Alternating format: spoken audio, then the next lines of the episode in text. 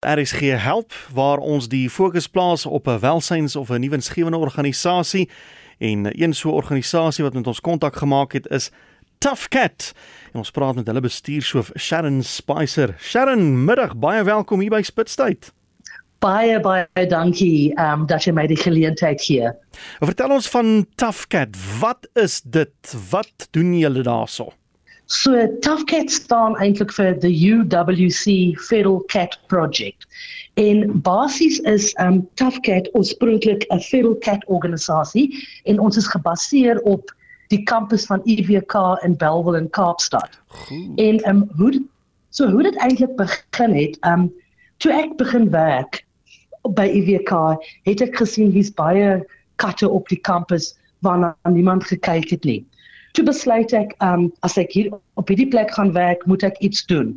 So dit het my baie baie baie lank tyd gevat um want ek het begin in 1999 en daar was honderde honderde honderde katte. Meeste van hulle baie baie siek. So oor die jare het ons 'n um projek begin waar ons die katte vang in vanghoeke, dan vat ons hulle na die veearts toe om te sien of hulle gesond is. As hulle gesond is, dan steriliseer ons die katte, vat hulle terug kampus toe en die katte word vervoer en hulle het skuilings en ehm um, hulle hulle mediese ehm um, needs is ook ontsien.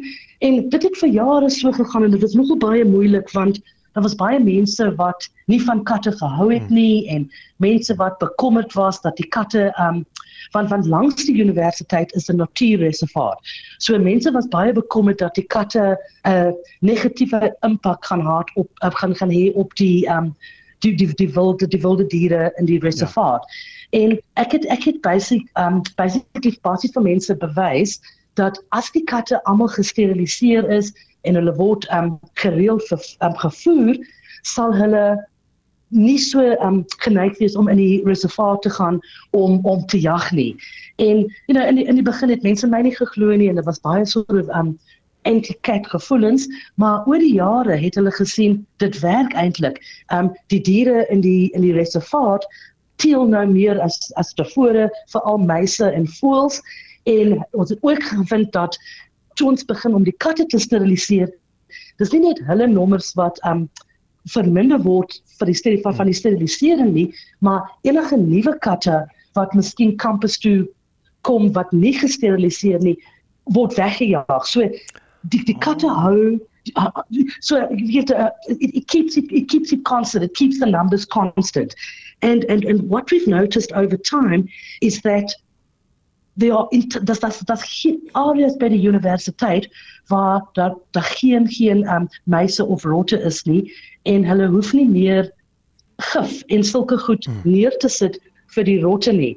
So EWK was eintlik het eintlik 'n um, toekenning gekry drie keer in 'n ry as om die the greenest campus in Africa en die Green Campus Award um is gebaseer op ses dinge. En een van die ses dinge die innovations green innovations en een van die ses innovations um waarvoor IWK gereganiseer was is dat hulle wilde katte um gebruik om rotte te manage en nie um hoef gif en sulke environmentally unfriendly dinge te doen nie. So dit het 'n nogal 'n goeie impak gehad en ons is nou in 'n situasie waar die universiteit die projek ondersteun en Tafcat het 'n um, voltydse 'n man wat op die kampus werk wat die heeltyd beskikbaar is om na enige diere um emergencies te reageer want um daar's nogal ons het nogal 'n probleem um van mense wat hulle katte daar aflaai want hmm. hulle weet die katte word gesorg en hulle dink dit is nou die regte ding om te doen.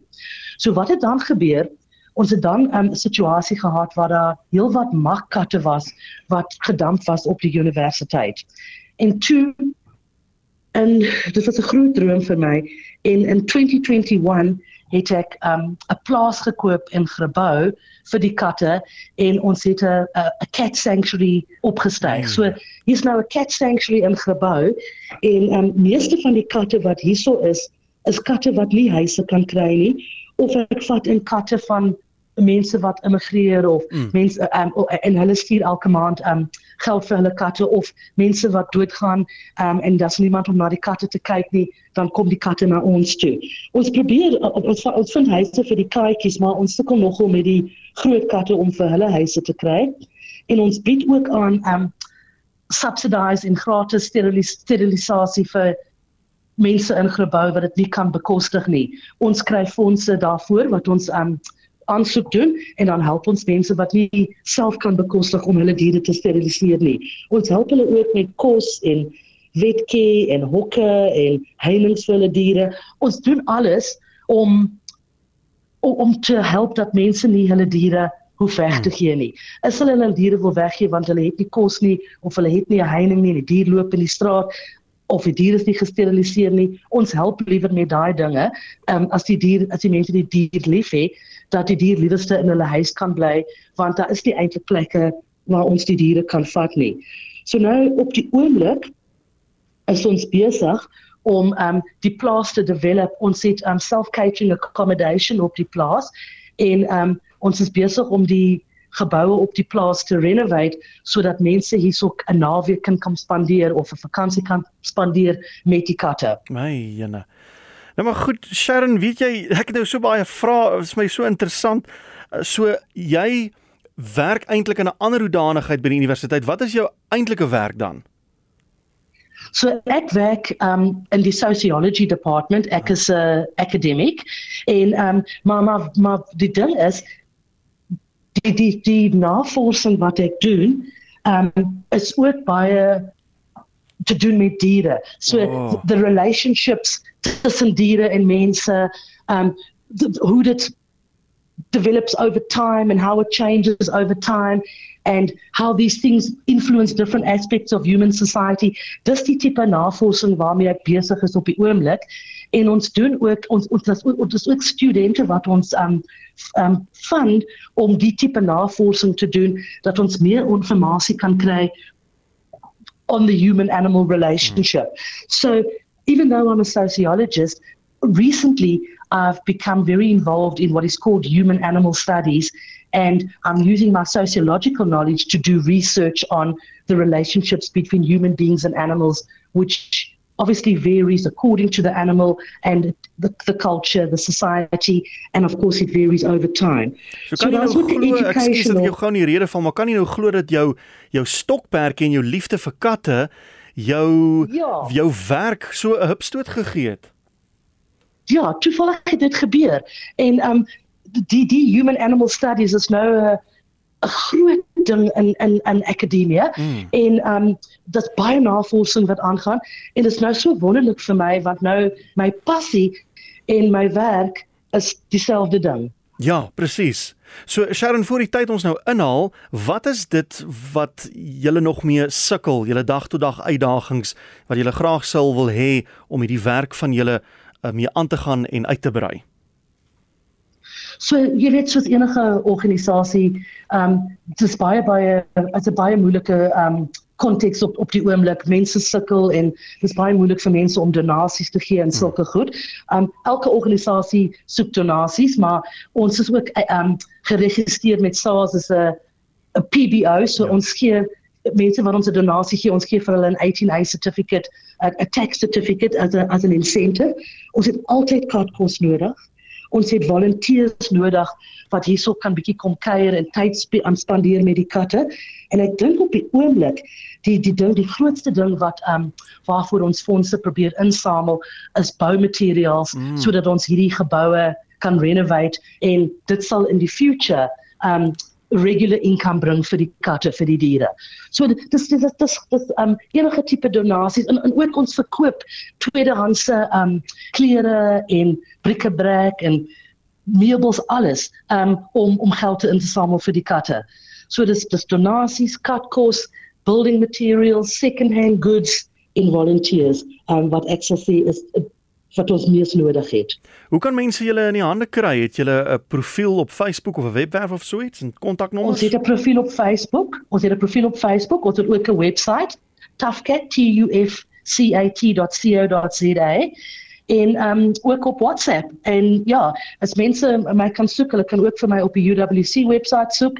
Um, as hulle nie kan Tafket se naam onthou nie. Ma mag ek my nommer gee? Asseblief as jy wil, ja. Ja, so my nommer is 082 433 0932 en my e-pos is spicer so dis double s p e c e r @uwc.ac.za